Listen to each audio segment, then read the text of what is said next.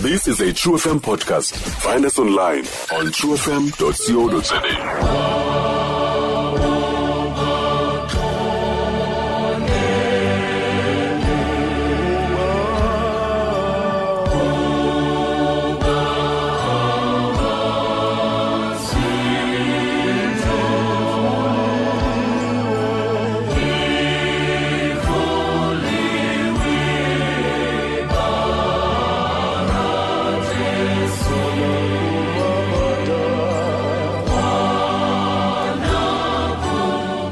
sikuthembisile kubishop utata Mbethe one of the fathers in the nation xa eza kusinceda asiqhubele inkonzo yevaya dorolosa nkosi mayibenani sizinikezela kuye ngelithuba tata mandikwamkele Molweni mama. unjani ta Oh siyaphila. Amen. Akhondo.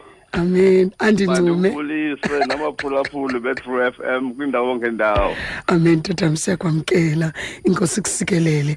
Over to you ta Senibulisile baphulaphuli kule nkonzo ingxamileyo ngeli xesha sivaleleke ezindlini ngentando kaThixo. Ndicela ukuba ndibeke into zibe ntathu phantsi kwencwadi kaYohane isahluko lishumi nesithoba 19 sithathe lamazwi akuverse 5 xa ephela uverse 5 kaJohn 19 kukho amazwi athi uPilato wathi kubo nanko umuntu behold the man. Watsho ngesilatini sakokwabo ngoba wayengumfo waseroma wathi eke homo sisevrandini kapilato apho uhambo lwevaya dolorosa liqala khona. Ndicela ke ukwenza into ezintathu ngoba ixesha selijonge encwadini. Sisevrandini kapilato upilato wayengummeli werhuluneli we-empara yamaroma yena eyigovernor elapha kulo Yesu eJerusalem. Wayenemizi emibini afikela kuyo kweli lizwe lakulo Yesu xa niza kukhawuleza wehlela komnye umzi omhle kuthiwa icesaria Philippi kodwa ngexesha leefestival ezifana nepasika wesihla azoba lapha kulo mzi wakhe the governor's residence eseJerusalem ngoba amaJuda ayiba nenkathazo abadlongodlongo ngepasika yokukhumbula indlela aphuma ngayo eJiphuta kukho into enomdla xa kule ngongoma yokuqala kuthe ngezolo wabhala uLuka 23:12 into yoba kuthe uba kufika uYesu apha eJerusalem xa bembhunga kwakho ubuhlobo friendship phakathi kukaPilato noHerode uthi uLuka 23:12 kodwa ngexesha lingaphambili babengazange bavane. Kodwa kuba bene common enemy benza plastic friendship. Bakwazi abantu ukuthi xa bebhunga umuntu bekhohlakelwe babe ngathi bayavana bade banxiba ilokhwe neebhruku ezifanayo. Bubuhlobo beplastiki obunyibilikayo itsho into apha kule veranda kapilato. Siphawula isibane focus. Ilapha kulo pilato uphume ngena ngoba wephepha inyaniso ugavana xa elawula funeka azinze esitulweni. Kodwa ithi le ncwadi ebhalwa nguJohane wayemane ephuma yaphanda aphinda abuye angene ngasendlini. Wayehlala phantsi aphinda asukume ngoba he was restless in the presence of divinity. Wayecele ukugweba amatyala enjubaqa ehleli adamane olungisa ingubo yakhe kodwa on this day waye restless. Ephume ngena ephethwe sisiyezi. Isiyezi sokuba athi eyibona inyaniso kufuneka agwebele yona ayiphephe. Unencilikithi yokujikelezana nobuxoki umane ephume esithi andiboni into kulo mntu kodwa angathi ayikhuphe eyona nto mayenzeke. Rhamente engcwele kathixo. Yile nto xa ndizawusuka ngenxa yexesha yokufaka abantu ethenye incwadi small people in big positions. Uyakwazi ukungena umntu ongasilingananga isihlalo. Isihlalo esi iposition ine-responsibility.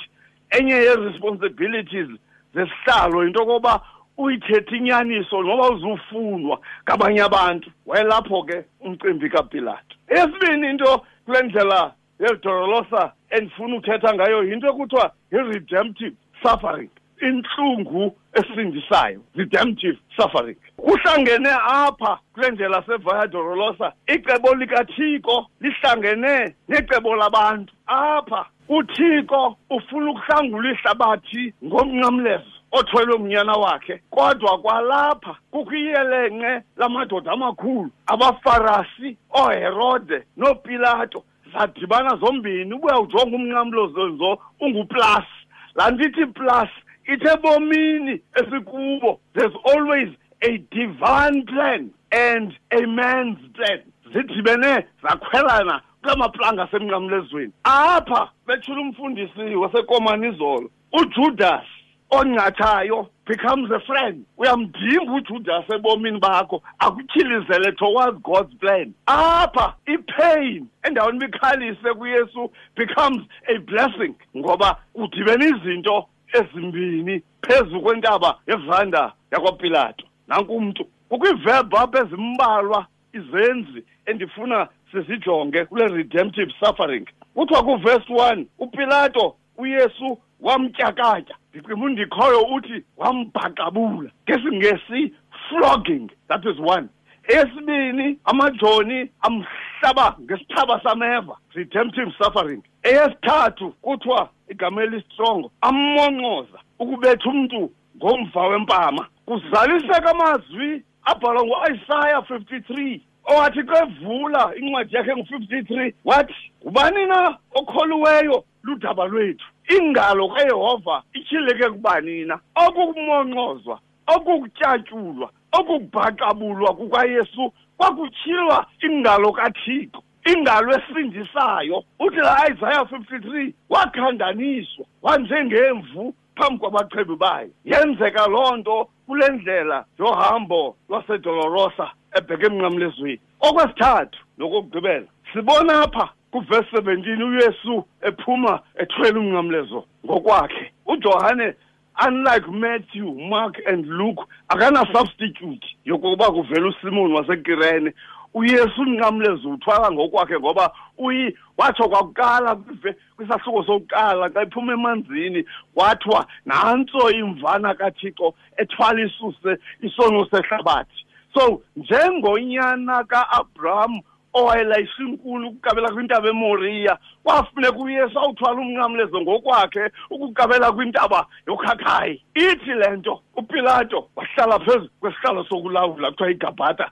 isihlalo samatye wathi awubhontsoza unkabi ebhontsoziswa nayinoti incwadi esuka kunkosikazi yakhe ethe khange ndilale ngenxa yamaphupha yalo mntu mkhulule. Wenza the last act of a coward. Wacela amanzi wahlamba izandla wathi andiboni ityala kule nto. Zizincwadi ezincedisa ibhayibhile wathi ekhupha la isandla sakhe emanzini kwabhaleka umnqamlezo emanzini wayibonga inkosi. Wathi awugqiba ke ngoku ukuhlamba wathetha la mazwi wathi laa mntu walahleka emyezweni walahlekana nofefe lukathixo wayesonweni. Nanku uadam wesibini he is the real man ekhe homo. Nanku umntu rhamente engcwele kathixo. Litsho ilizwi likathixo xa siphethwe ngumcimbi weflu nefiva yekhorana ndizokuthi kwesi sizwe kule ndlela segolgotha nanku umntu. Kuthiwa wahamba etyetha umnqamlezo. Wawa okokuqala akhululeka makhamandela abantu abasetrongweni wawa okwesibini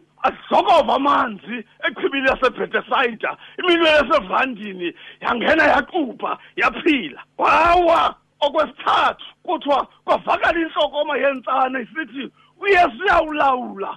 Aphila ngalihambayo yiyo ke loo nto sikuyo namhlanje. Xa ndizokuthi la madoda nalamakhosikazi azawuthi nangamazwi asiqinqo wathethayo kodwa ze kwaziyo into yoba nanku mntu. In closing ngenxa yexesha ngo-nineteen eighty-nine besendikhona ndimdala umr gorbachev ureagan gorbachev upresidenti wasemerika. Wakhe wema kweli qala kwakusithiwa yigerman the western side of germany kukho udonga olwalohlule ijamani phakathi kwidolophu yeberlin kuqatyenwe kulaa mfazwe yesibini. Oko ngo-nineteen forty-five wakhe udonga ngo-nineteen eighty-nine wama ngeli qala ureagan. Kwelaa qala yayipresidenti yaserussia kuthiwa ngugorbachev.